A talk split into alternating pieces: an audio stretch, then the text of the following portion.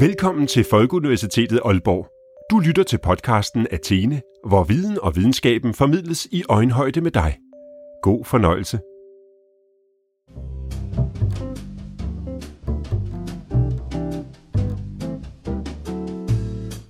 Med lov skal land bygges. Det er de fleste hørt. Og de fleste har måske også på et eller andet tidspunkt stiftet bekendtskab med lov, jura, retningslinjer, må, må ikke. Men på de fleste er jura og i det hele taget at komme i nærheden af vores lovgivning noget, man gerne vil undgå. Men tænker du nogensinde over, hvor meget jura egentlig spiller en rolle i dit liv? Bare sådan noget som, hvordan dit forbrug, dine rettigheder som menneske, men også som en forbruger i samfundet, som en, der køber ydelser, gør brug af tjenester, faktisk er underlagt forskellige retningslinjer, love, etikker osv. Det skal vi snakke om i den her episode af podcasten Athene. Og for at blive klogere på det, har vi i dag inviteret Marie Jul Sørensen fra Aalborg Universitet, der er lektor i forbrugsret her i studiet. Velkommen til, Marie. Tak. Marie, vil du ikke starte med at fortælle lidt om, hvad laver du i din dagligdag? Jeg sidder som lektor på Juridisk Institut, og så min dagligdag den består af en blanding af at øh, undervise, forberede undervise selvfølgelig, øh, og så læse nyeste praksis på netop mit område. Praksis, det er jo domme, for eksempel afgørelser for Ja, okay. og så videre. Øh, og så selvfølgelig, øh, hvad der ellers er skrevet på mit område. Og så ellers øh, selv i øvrigt dykke mig ned i det, og prøve at finde øh, det, jeg synes er spændende, og det, jeg kunne forestille mig, kunne også hjælpe til at udvikle det område, som jeg nu sidder med. Og det er jo forbrugerret. Men det vi jo gør meget, det er, at vi dykker ned i sproget. Fordi juraen, der er sproget, kan man sige, vores værktøj. Ja. Tømmeren har hammeren, ikke også? Og vi har sproget. Og når vi så ser sådan nogle nye afgørelser, så ser vi nogle nye måder at bruge øh, nogle vendinger eller nogle begreber i juraen på. Så hvis for eksempel sådan helt øh, basalt kan man sige, så har jeg lige skrevet en artikel om forbrugerbegrebet. Fordi ja, ja, du og jeg, vi kan meget hurtigt blive enige om, vi er forbrugere, når vi går ned i en eller anden butik, og så køber vi et eller andet. Men hvad hvis nu for eksempel, du køber en øh, uddannelse på nettet? Hvad hvis Ja. ja. nu du finder ud af, at du vil gerne være coach? Eller et eller andet. Eller bare udvikle dig selv? Ja. Er det så et forbrugerkøb, og er du så forbruger? Så sådan, noget, sådan nogle begreber, vi nørder i begreber øh, langt hen ad vejen. Så jeg har faktisk måske ligesom, eller nærmest mere at gøre med en, jeg har lyst til at sige en sprogforsker, så en, øh, en, en umiddelbart, en, altså, lad os sige en ingeniør. Fordi ellers, jeg tror mange har ellers sådan siger, at jura det er jo meget eksakt, altså på en eller anden måde den mere eksakte del af samfundsvidenskaberne. synes noget, og så synes en anden noget andet. Nej. Og særligt når vi taler dommere. De skal jo helst have sådan en eller anden klar idé om, hvad er gældende ret her.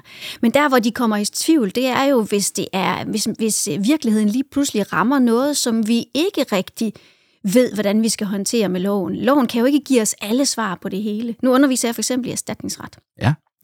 Og der går det ud på at finde ud af, om man har handlet uagtsomt, som det hedder. Ja, okay. Ja, og det betyder simpelthen sådan et eller andet med, at man har handlet i strid med, med det anerkendte, de anerkendte normer, vi har i samfundet.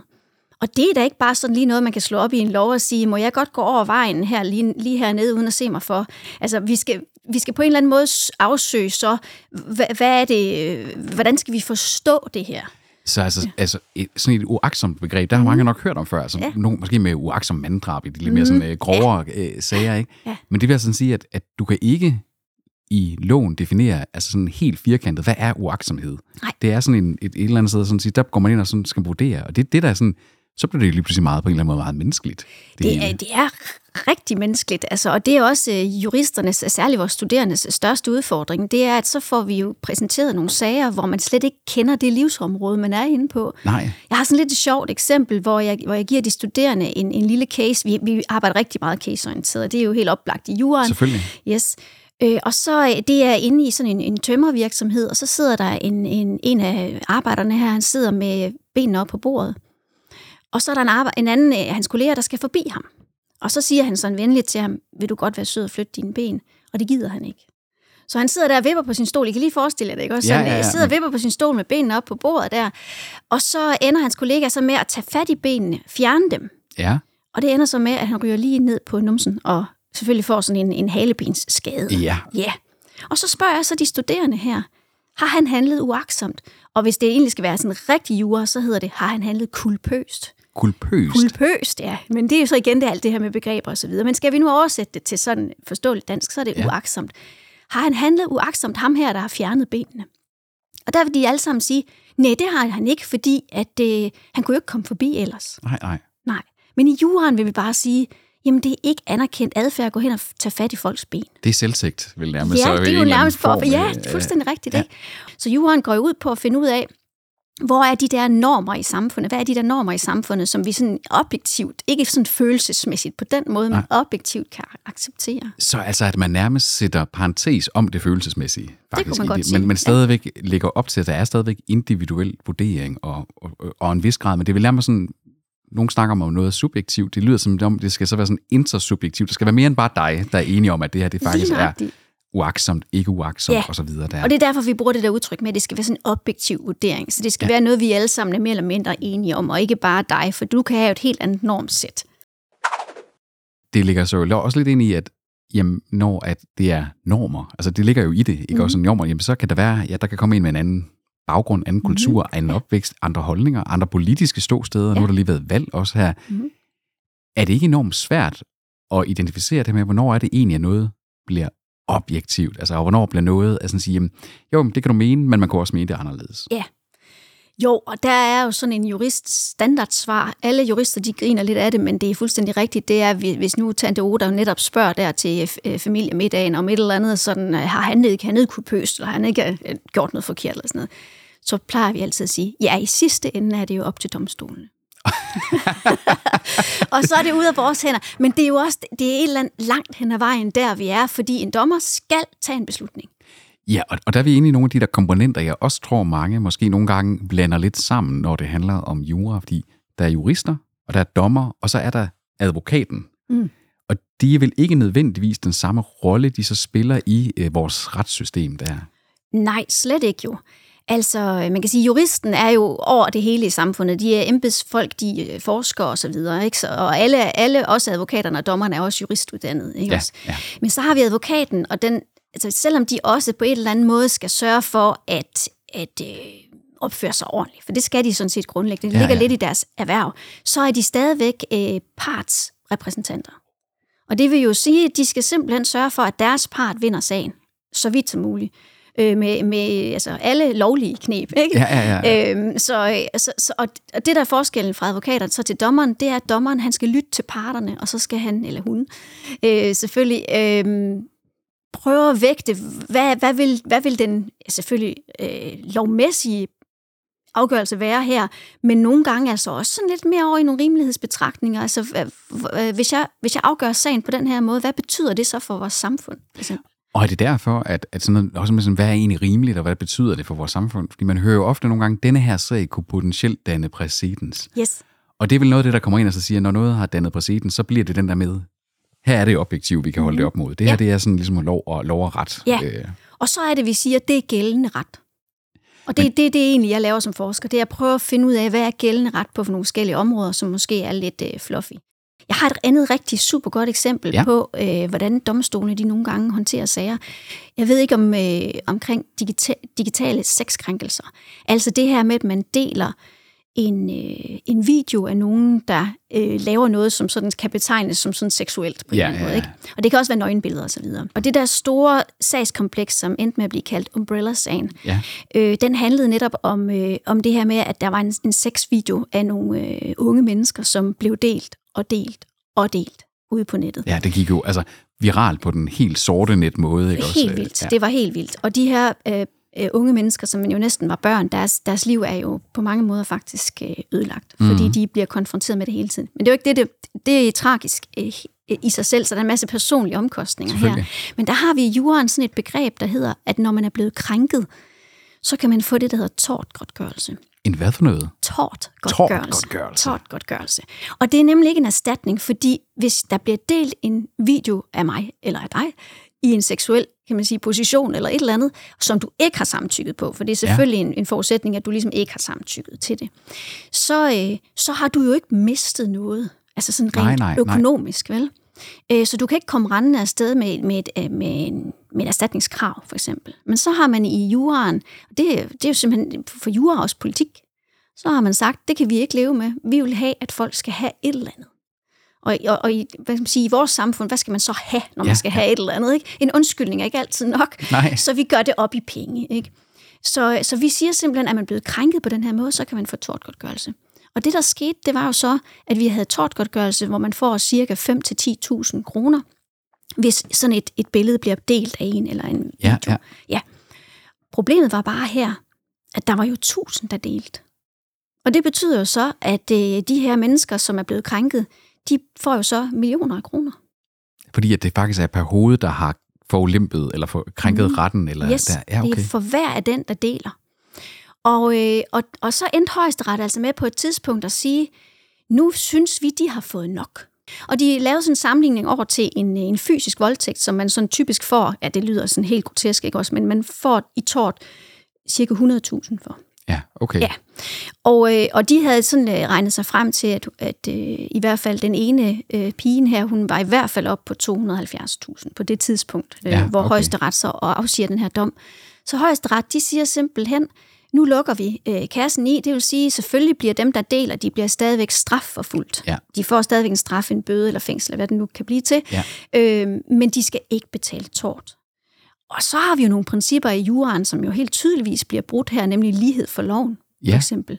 Der er jo nogen, bare fordi man er blevet sagsøgt sent, ja, så slipper man så for at betale det der. Så der er man faktisk ude i, så har man faktisk, at nu begynder man at krænke den krænkede, Det kan man eller den krænkende, reelt Ja, set. Ja, ja, og, og, og man kan sige, at, at, at det er vel også en krænkelse i sig selv, at domstolen lige pludselig siger, jamen det kan godt være, at det bliver delt igen, men det føler du dig vel ikke krænket over, for du er jo allerede blevet krænket. Og der kommer den der med ind, at sådan sige, du har også fået din kompensation for Ja, det, ikke? ja, sådan lige nøjagtigt. Altså, ja, Og det, der var interessant i den her sag, det var, at vores folketing, de sagde, det kan vi ikke leve med. Vi laver simpelthen en lov, ligesom altså specifikt en, en bestemmelse, som siger, at for hver gang, der bliver delt, skal du have tort. Og så må vi leve med, at der er nogen, der bliver millionærer. Ja, men de bliver jo også krænket igen og igen og igen ja, ja, og ja, igen. ja. De lever ja. med, med den krænkelse, som Ja. ja. sådan, altså, fordi internettet glemmer ingenting. Nej. Vel? Nej, nemlig. Okay, altså, fordi så har vi så også politikerne lige pludselig mm. som en spiller. Ja. i det her, øh, som der selvfølgelig også er den lovgivende magt øh, og, og, og så videre, men at de kan gå ind og lave love, der så går ind og faktisk direkte indgriber i juridisk praksis. Ja. Øh, sker det tit? At Nej, det gør det nemlig ikke, og det er egentlig også derfor, jeg nævner det, for det er jo sådan en sær ting. Ja. Men, men det skete, fordi, øh, og det, det er sådan, hvad skal man sige, det er noget, der påvirker store dele af juraen, både forbrugerretten, men altså simpelthen også bare vores almindelige øh, liv, nemlig det digitale. Ja. Det er kommet ind og forstyrret vores jura, for vores jura, den har været baseret på sådan helt, du ved, vi laver en aftale mellem dig og mig, og Ja, vi ja. kigger på hinanden, og så, øh, du ved, giver vi hånd og alt det der, ikke? Og, og så mange ting er flyttet ud i det digitale, og vores jura kan ikke følge med. Ja, for jeg sad netop og tænkte på, at netop som du siger, meget af jura, og sådan meget, der handler om garanteret om forbrugsret, har vel jo selvfølgelig ændret sig, men basalt set er det vel baseret på principper, der er i hvert fald 100, flere hundrede år gamle. Ja. Den, det her eksempel, det var der kommer et nyt medie, Mhm. der muliggør en helt anden form for, i det her tilfælde, krænkelse Ja.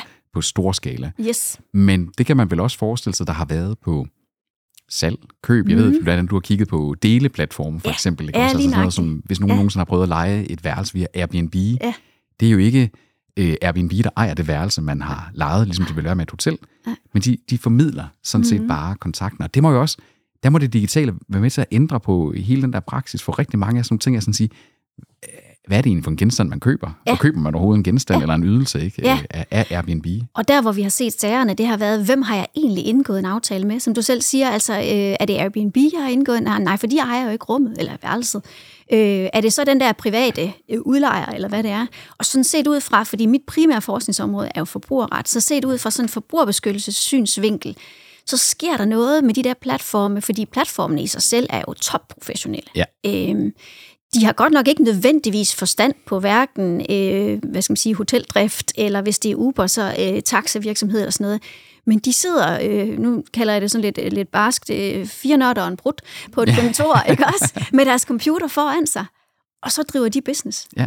Øhm, og, og det, de selvfølgelig tjener en masse penge på, det er at sætte folk i forbindelse med hinanden. Ja. Og det kan være to private parter. Når jeg siger private, så er det sådan dig og mig, vi to, ikke også? Øh, ja. Som bare vil lige, øh, så lige køre en ekstra tur med, med, nu ved jeg godt, vi har ikke Uber længere, men det har man i så mange andre lande. Ja, lige præcis. Ja, øh, men, men det, det findes også på rengøring. Altså hvis en af mine studerende vil gøre rent, så melder de sig bare på sådan en platform, ikke også? Og så er der en eller anden, øh, i, som, som har pengene og, og lysten til at ville købe sig til rengøring. Og så mødes de på den platform, kan man sige. Det er stadigvæk to private parter. Og når det er to private parter, så forsvinder alt det, vi kan kalde forbrugerbeskyttelse nemlig. Altså, der er en masse nuancer i, i det, kan man sige, øh, fordi hvornår bliver du, hvad er du så, hvis nu, hvis nu jeg, øh, vi lader som om, at en af mine studerende tilbyder rengøringshjælp via sådan en platform, hvor, altså, så snart du begynder at sælge din arbejdskraft, så kan man jo godt diskutere, hvad er du så? Ikke? Ja. Og hvis vi så og det kan man sige, der er jorden jo ikke øh, fuldstændig klar, hvilket jo er en kæmpe udfordring, men jorden er ikke fuldstændig klar på, om man er en arbejdstager til den her øh, rengøringsplatform. Nej. Øh, det vil jeg, sådan en som mig, argumentere for, at det er man nok, øh, men vi har ikke set nogen sager på det, og det er vores, ligesom vores, vores Så der mangler præcedens? Der mangler præcedens. Ja, okay. øh, der er ikke rigtig nogen, der er interesseret i at tage de her sager, og, og det er heller ikke klokkeklart. Fordi et af, et af de største kriterier for, hvornår man er en arbejdstager, det er, at, øh, at den, man er, den potentielle arbejdsgiver kan bestemme over en. Ja, så fyre hyre. Og... Fyre og hyre, men også øh, måske tilrettelægge arbejde, sige, du skal gøre det på den her måde. Øh, vi så nogle sager, og nu ved jeg godt, man kan ikke, og det er jo det store ting i jura, man kan ikke sådan sammenligne øh, lande, men, men der var faktisk i USA nogle sager, der, der blev kørt mod Uber, Ja. hvor chaufførerne, de, ville, de, ville, de påstod, at de, de var arbejdstagere, og, og derfor havde ret til sådan nogle arbejdstager, altså sådan nogle ydelser, altså sociale ydelser Ja. også, og sådan noget, og pension, og hvad ved, altså alt det her, man nu kan have, nu har de knap så meget af den slags Nej, i nej, nej, USA, nej. men, men, men ideen var der. Det var for eksempel overtid også. Altså, Ja, simpelthen, og også sygdom og så videre, ja. altså fordi de her arbejdere, der arbejder på de her platforme, de har jo slet ikke det sikkerhedsnet, som vi, vi kender i vores øh, system ellers, Nej. fordi man siger, at de er selvstændige erhvervsdrivende.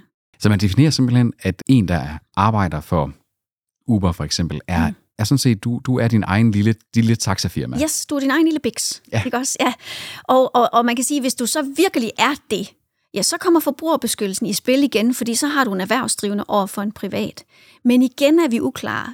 Er det, er det et spørgsmål, om, skal jeg ikke have kørt nogen ture trods alt, før at jeg driver det her som erhverv? Og jo, Ja. det skal man nemlig. Så der skal være en eller anden form for for, kan man sige, stabilitet i det, i det du laver, ikke også? Og hvad, hvad søren er det mellemled der i, som, som platform? Men sagen i USA, den var lidt spændende, fordi de gik simpelthen direkte ind øh, og, øh, og sådan kiggede på, jamen, hvad har, hvad har Uber, eller i, i, i det her tilfælde var det vist Lyft, men altså det, det, det er sådan Ja, det samme, samme, samme, ja. samme system, ikke også? Hvad har de sagt til dig, du skal gøre? Jamen, i det her tilfælde, så har de så sagt, at øh, man skulle møde sin kunde med et fistbump. Altså sådan to knytnæver, der møder Ja. hinanden og sådan, ikke også? Yes. Man måtte kun høre visse ting på radioen. Ja. Ja. Og i øvrigt så, hvis man nu ikke havde givet at køre en uges tid eller sådan noget, så blev man nudget. Og måske sådan lidt ubehageligt nudget. Og nudget betyder sådan lidt trykket på maven, Ja, ja, ikke også? Og sagt, øh, skulle du ikke til at komme i gang? Vi prøver at adfærdsregulere dig i hvert fald. Simpelthen. Og sådan lidt med, med sådan en lille snært af trussel, at hvis du ikke snart kommer i gang, så ryger du af platformen. Alright. Og det er, jo, det er jo, hvad vi kunne kalde en fyring, men det, da det ikke er en rigtig fyring, så kan de bare gøre det. Så selvom at de bruger mekanismerne, som en chef vil kunne gøre på en Mhm. arbejdsplads, er jeg ligesom sige, du må altså ikke lige have badesandaler og Hawaii-skjort på på arbejde her. Du må ikke øh, holde så lange frokostpauser, og hvis du ikke har kommet i 14 dage, så skal vi have en samtale om, om du overhovedet skal være her. Ja. Men de, de er stadigvæk ikke ansat af Lyft Nej, i det her tilfælde. Altså, man kan sige, at i USA, der sagde dommeren så, bad simpelthen juryen om at, at, at, putte et firkantet stykke træ ned i enten det ene runde hul, eller det andet runde hul. Og og det, der var ideen, det var, at det var Uber-chaufføren eller Lyft-chaufføren, som de skulle prøve at proppe ned i den definition, der hed enten en arbejdstager eller en selvstændig erhvervsdrivende. Ja. Og ingen af stederne passede. Det, er- det er sådan ligesom jurens dilemmaer. Det er, at vi har en masse juridiske kasser. Jeg plejer at sige, at vi har sådan tæppe af Ja. ja. kasser. Og når vi så ruller virkeligheden ud, så skal den jo gerne falde sådan ned i de der kasser. Rigtig fint Ja, og ja, rart, ja. så vi kan håndtere det. Er du en forbruger, fint, så falder du ned på bordkassen. Ikke? Og hvis du er noget andet, og hvis du har begået drab, så har vi en kasse til det, og så videre. Så det bare er hen mod noget af det samme, som vi snakker om helt i begyndelsen med, altså uaksomhed. Altså, ja. er det uaksomt? Ja. Er det den kasse, Ja. eller var det et uheld? Yes. Ja. For eksempel, eller Ja. hvad det nu måtte være. Af, Ja. Og, Men- og netop sådan noget som Uber, de ligger som sådan amøbe oven på, oven på det her tæppe, og kan ikke rigtig falde ned. Men så sidder jeg jo og tænker, altså, hvorfor laver man så ikke bare kassen? Ja. Hvor- Hvorfor, du, sig- du sagde lige før, at der er ikke rigtig nogen, der vil tage de her sager. Hvorfor laver man ikke bare kassen? Ja, du kan tro, det er netop sådan noget, som vi forskere, vi sidder og kigger på, kan man ikke lave en ny kasse? Problemet er bare, at så støder du ind i... Nu for eksempel, man kunne jo godt lave sådan et begreb, der hed erhvervsdrivende light, Ja, eller sådan noget, som sådan var en, en, en, øh, en mellemting mellem en arbejdstager og så en erhvervsdrivende. Ja. Men, men problemet er her, at hele vores, for eksempel vores fagforeningssystem, det er bygget op på, at man er enten det ene eller det andet. Ja. Så beskyttelsen, vi har derfra for eksempel, bygget op på det ene og det andet. Ja. Og hele vores sociale system, vores sociale ydelsessystem er også bygget op på det andet. Man kan selvfølgelig så, så kan man sige, udvide de enkelte kasser, så man kan sige, jamen det ligner mest. Og det var så det, de gjorde i, i USA, at, at uh, juryen endte med at sige, jamen lige det her tilfælde, fordi de har styret din arbejdsform så meget, så lige i dit konkrete tilfælde, så er du faktisk arbejdstager. Nu, nu har vi snakket øh, en del omkring øh, sådan forbruger og forbrugerret og hele dit felt der, men vi har faktisk endnu ikke sådan helt... Altså, hvad, hvad, hvad er forbrugerret som sin egen særlige ting, og hvorfor er det, man overhovedet... Hvorfor har man et, et, et retsområde for forbrugeren Ja. i det hele taget? Jamen helt grundlæggende handler det her om, at man har et marked med køb og salg.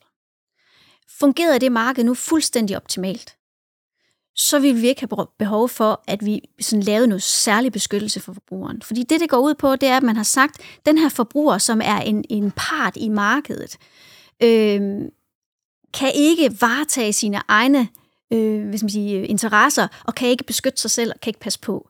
Og virksomhederne, de kan drive, de kan drive virksomhed uden også at beskytte forbrugeren. Så man har simpelthen set et hul i markedet og siger, vi kan ikke få markedet til at fungere effektivt, tilstrækkeligt effektivt, hvis vi ikke laver en beskyttelse af forbrugeren. Og det betyder så, at når vi nu handler, køber et produkt, øh, som, som ikke var det, vi havde regnet med, det var, Ja. enten så er det måske i stykker, eller så fortryder vi det bare, ja, så har vi nogle muligheder, og en masse betingelser skal være opfyldt først, men så har vi nogle muligheder for at agere på det og gøre noget.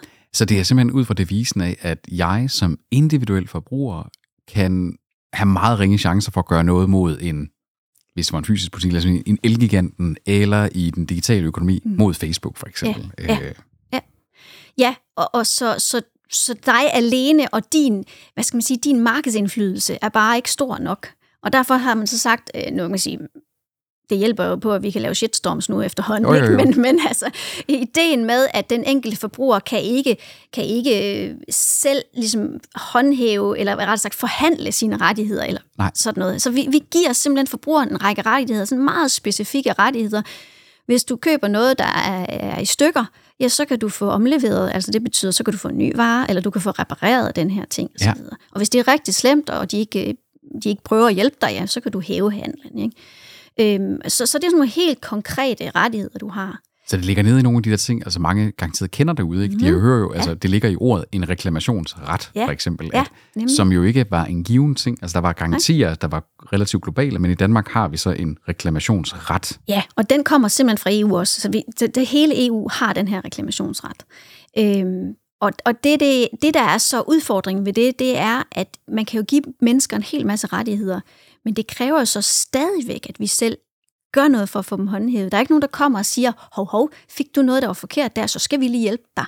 Du skal selv gå ned i butikken, du skal Ah, selv ja. stampe i gulvet osv., men du har trods alt rettighederne sådan rent juridisk. Altså, og det, jeg tror, man kender det måske fra... Jeg tror, der er mange, mange har som referenceramme for jura, det er film og tv, Ja, ikke? også? Altså, ja. det advokatdrama og retssalsdrama, men man hører jo ofte det der med, så indgår man for lige, fordi man, vil, man får alt i verden, det skal ikke ende i en retssal. Ja. Øh, er det det forbrugerklagenævnet, og den her med, at man prøver den her mindelighed her i starten, er det, Mm. faktisk, altså, er det, er det juridisk set et forlig, man så laver med hinanden? Jeg ved faktisk, øh, jeg er i tvivl om, vi egentlig kalder det. Jeg har ikke hørt ordet forlig i den forstand, men, men det er jo fuldstændig den samme øh, mekanisme, det, Ja, ja, det ja. har, ikke også? At vi går derfra, men vi har ikke fået en dommers ord for et eller andet. Vi er bare, vi er bare kommet til enighed om noget. Og er der en dommer i forbrugerklagenævnet? Ja. Så der er det faktisk en, en reel retssag-agtig... Ja, agtigt. Ikke også? Øh, forskellen er, at der er en dommer, men der er også partsrepræsentanter. Det vil sige, der er to fra erhvervslivet, og så er der to fra forbruger. Øh, det er typisk øh, altså forbrugerorganisationer. Og så sidder de sådan lidt som og snakker lidt sammen. Hvad, hvad, hvad synes vi er ret og rimeligt her? Og ofte vil sagerne jo have en, en juridisk øh, hvad skal man sige, øh, mere eller mindre tydelig udgang. Ikke? Øh, og, og det kan de jo ikke, det skal de jo øh, rette sig efter, men det behøver de ikke at gøre i mediationen.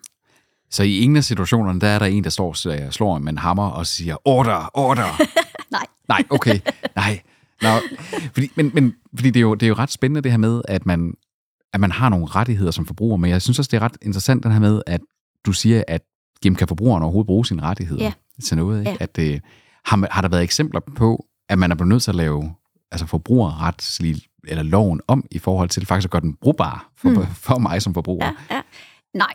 Altså, man, man, man, man må bare sige, at lovgivningen er svær at læse, og det, og det og, og, og altså, sætter man sig ned med ambitionen om, at nu vil man lave en let forståelig lov, så ja. støder man lynhurtigt på, at så bliver det upræcist, for hvis man forsøger at, at tale i sådan lidt mere talesprogsvendinger, ja. så bliver begreberne udvandet og upræcise, så, så vi, vi falder gang på gang tilbage til sådan lidt det der lidt mere sådan juridiske sprog, i hvert fald når vi taler lovgivning. Ja. Ikke dermed sagt, at man ikke kan, og, og der er masser af hjælp at hente rundt omkring, hvis man er forbruger. Vil, vil, øh, man, skal ikke, man skal ikke se på øh, den erhvervsdrivende hjemmeside, for det er ikke altid, de heller helt nej, har nej. forstået øh, reglerne. men, men så søg derind, hvor, hvor eksperterne er.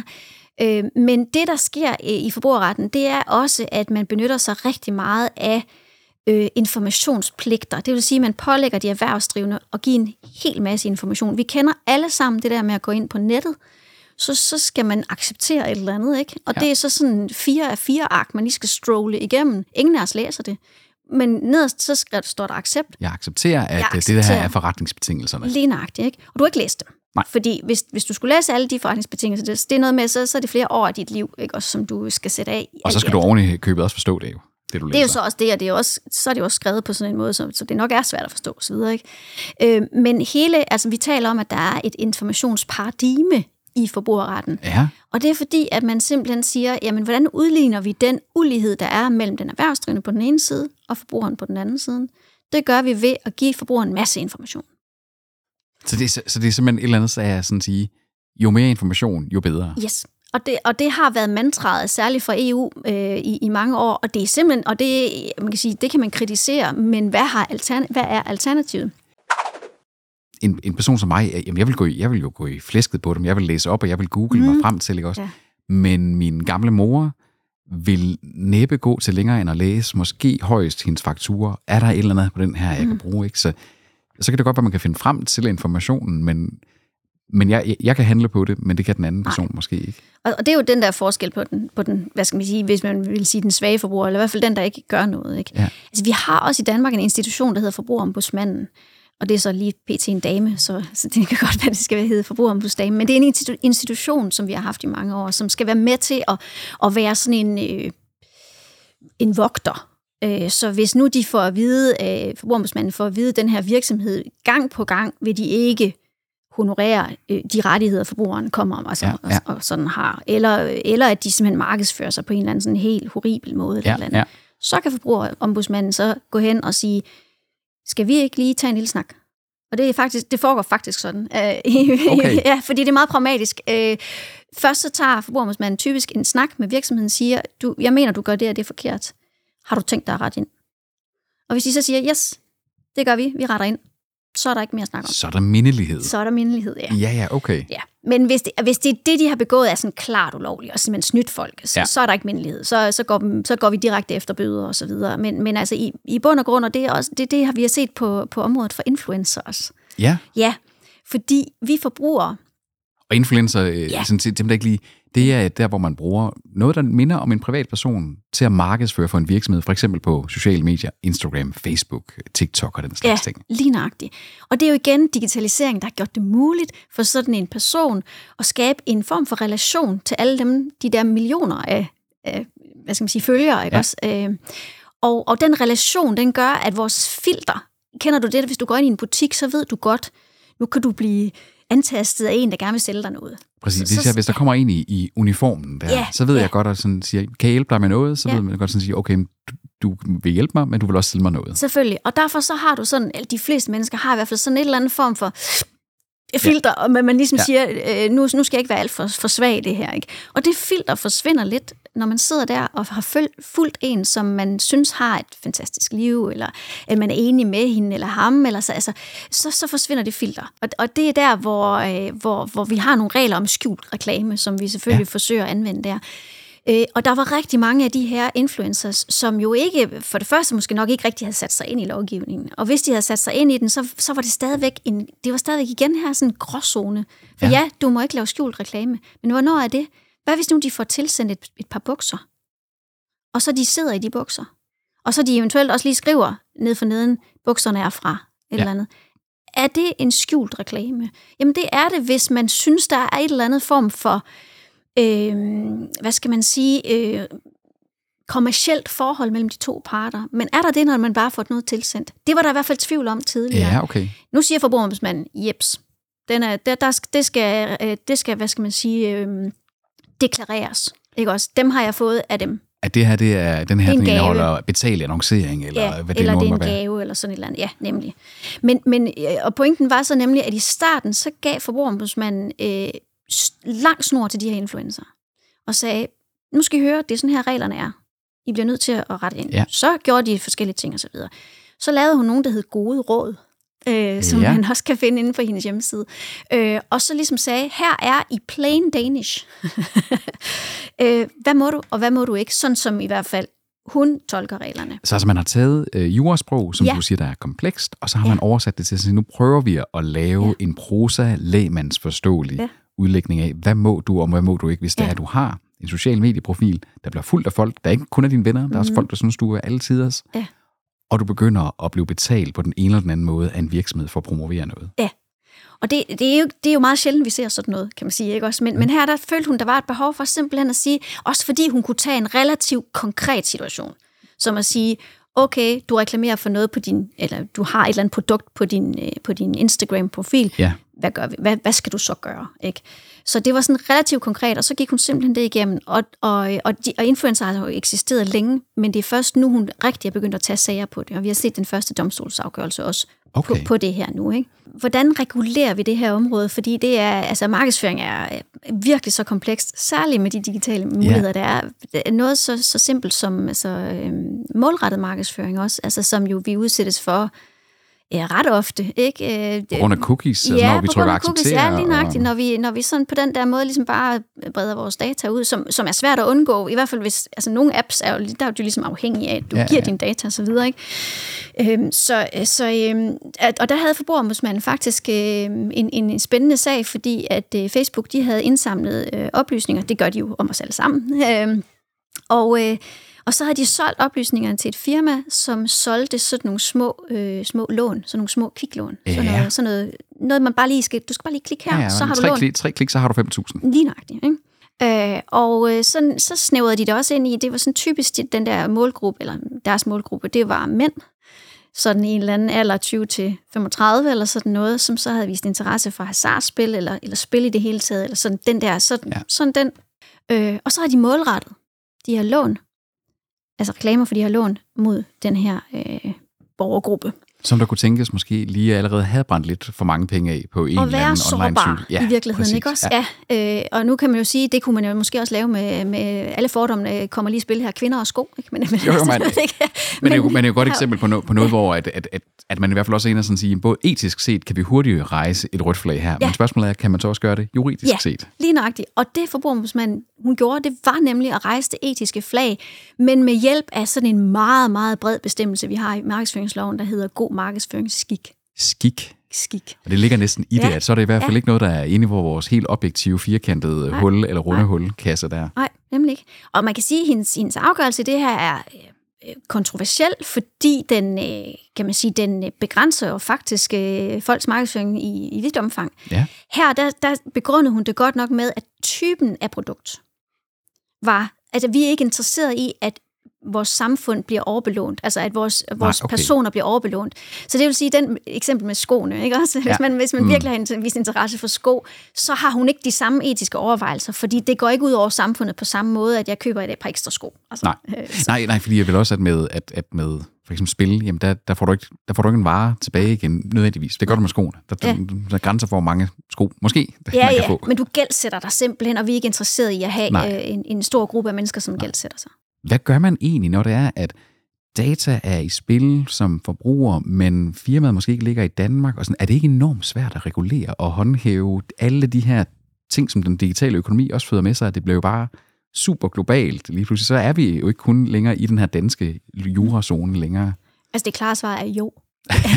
Fordi det er virkelig en af vores kæmpe store udfordringer.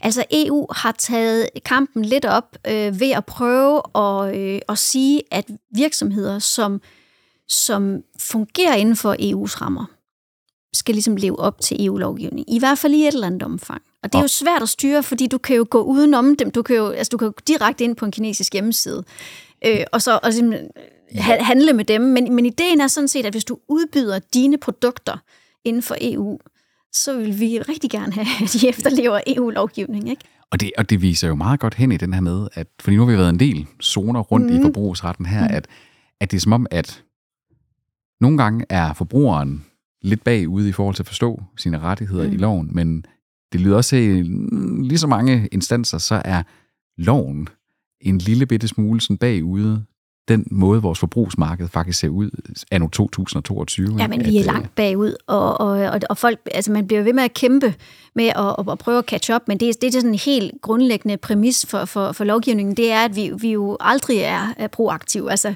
mm. fordi vi, vi, vi kan ikke følge med samfundet. Samfundet, man kan sige, udviklingssamfundet kommer, og så må vi halte efter. Øh, tit kan vi jo bruge det, vi har, fordi det ja. jo er bygget også på nogle sådan mere principielle ting. Ikke? Øh, det, jeg snakker om med, med, med lighed for loven, eller så videre. Også falsk marketing, ikke falsk, også? Ja, ja, sådan noget. Ikke? Også, så, så, så, så, der er selvfølgelig nogle kasser, som er så brede og store, at vi kan, vi kan tage det nye ind i. Ikke? Men der er virkelig også øh, andre udfordringer kan man ikke være mere proaktiv med loven? For jeg, jeg, i kølvandet på, for nogle år siden var der den her skandale omkring øh, Facebook med Cambridge Analytica. Mm. Man mhm. fandt ud af, at de, hvordan man havde dataminet og faktisk påvirket øh, den det amerikanske valg, måske i en ja. faktisk udslagsgivende retning. Ikke også? Ja.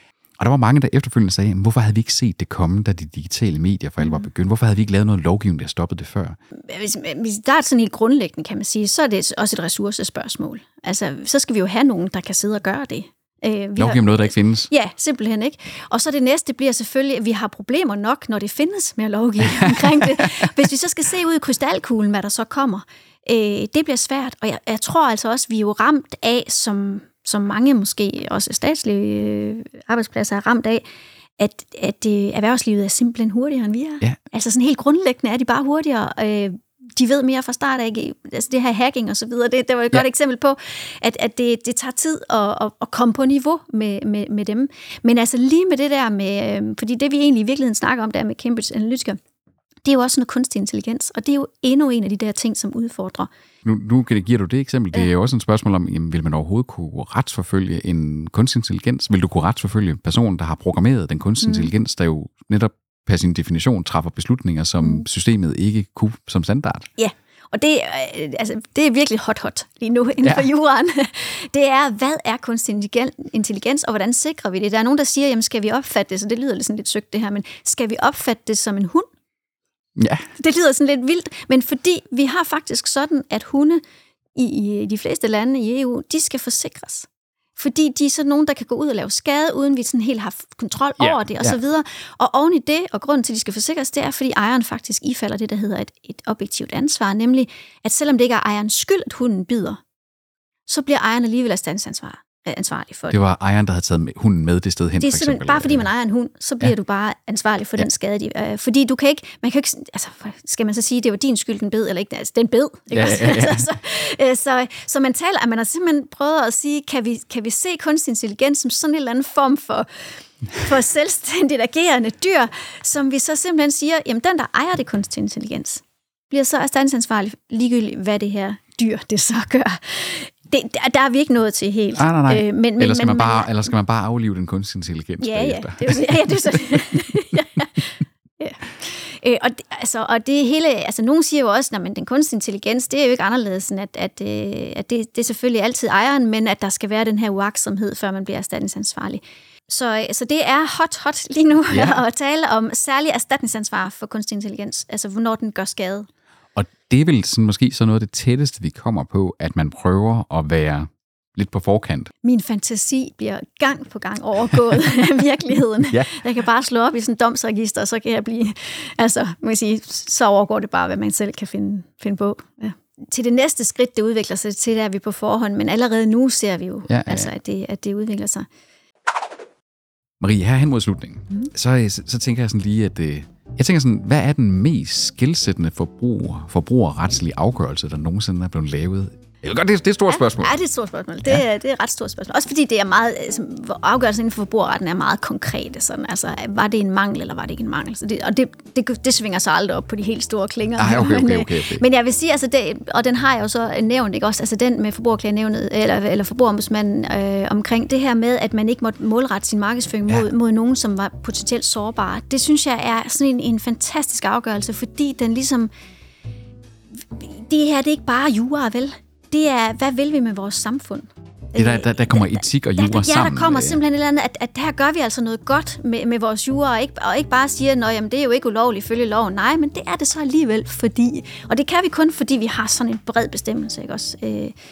Så, så der, hvor at, at der er noget forbrugerlov, der faktisk ikke bare går ind og, skal man ligesom sige, øh, retter ind på, hvad vi må og ikke må, men også faktisk sådan, ligesom giver os en retning for, ja. for vores øh, væren som borgere og ja. forbrugere i et samfund. Der. Ja, og, og det, der så rører sig rigtig meget lige nu, ud over det her kunstig intelligens, det er jo, hvordan kan vi få forbrugeren til at trykke på med den her grønne omstilling.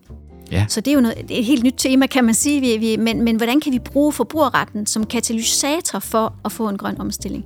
Så man kan jo skrue på juraen for at gøre noget juridisk. Lige nu for eksempel, der har man stort set ligeværdige beføjelser i forhold til at kræve omlevering eller reparation af det, der er ja. i stykker. Man The right to repair, yes, kalder man det. Yes, lige nøjagtigt.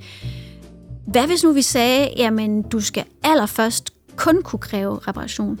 Men altså, man kan sige, øh, det vil jo pille ved vores... Øh, vores, hvad skal man sige, luksus, ja. øh, hvad skal man sige, vores, vores rettigheder i det hele taget. Men, nogle, nogle ting, vi, mås, vi måske også har vendet os til, altså, mm, hvor det er et, ja. et kulturforandrende på ja, en eller anden måde. det vil det være, ikke også? Det er så verdens mest skældsættende sådan, afgørelse. Eller sådan, men så er det jo sådan at sige, det her, hvad er den vigtigste ret, en forbruger bare skal kende til? Altså, hvad kan man ikke forlade den her podcast uden at kende til? Altså, det er jo nok den, som de fleste kender faktisk, netop det her med, at hvis, dit, hvis du køber noget, som ikke var, som du har en berettiget forventning til, det er, så kan du gøre noget ved det. Altså, ja, og det er jo en helt sådan grundlæggende måske ret, men forestil jer, hvis, forestil mig, hvis man ikke havde den ret. Hvis der var altså, sporet fanger? Hvis, hvis sporet fanger simpelthen, og, og, og du kunne hverken gøre fra eller til, at den her mobiltelefon, den måske ikke kunne tænde, eller et eller andet. Altså, du er, det, det er sådan en, en helt basal, grundlæggende øh, øh, ret, som, som gør, at markedet kan fungere, fordi virksomheden bliver nødt til at sælge noget, der virker. Og så er det, at man har instanserne, man kan begynde at aktivere. Det er jo så det, og det er jo så der, man kan sige, så, så er jeg øh, øh, doven. Ikke også? Ja, Fordi det er bøvl. Man. Det er bøvl. Og, og det lever virksomheden selvfølgelig langt... Dem, der prøver at spekulere i det, de lever de selvfølgelig lidt på, at det er jo bøvlet. Ja. Og bøvl er noget af det værste for forbrugere. Vi gider det ikke. Og, og det er jo det, der er så sjovt, for vi kan snakke nok så meget jura, ikke også? Men, men, men det er jo forbrugeradfærden, der ja. i høj grad bestemmer, hvad vi, hvad vi kommer rendende med, kan man sige. Ikke? Og jeg synes, det sætter sådan et meget fint sådan, punktum for her, at rigtig, rigtig, rigtig meget kan vi proppe ned i forskellige kasser og kasser i kasser, og måske også blive enige om nogle gange, så findes kassen slet ikke, og så arbejder man for det. Men i bund og grund, så handler meget forbrugsret her faktisk også bare om at aktivere sig selv som mm. person. Jeg synes i hvert fald, at vi er kommet ret langt omkring, både fra sådan, hvordan er det egentlig, jura fungerer uden for retssalsdramaer i, i, i, i tv, og også klogere på hele det her med, hvad er forbrugsret egentlig, og, og den slags. Øh, Marie, tusind tak for, øh, for snakken her om forbrugsret. Det var, det var mega spændende. Det var godt. Tak. Det var den her episode af podcasten Athene. I næste episode begynder vi at nærme os juletiden, og derfor skal vi snakke om noget så folkeligt som julegaver. Men hvordan julegaver også er en del af den her sprudlende oplevelsesøkonomi, og er meget mere end bare, hvad der er under juletræet. Så følg med i næste episode af podcasten Athene. Jeg er jeres vært, Peter Vistisen. Ha' det godt derude.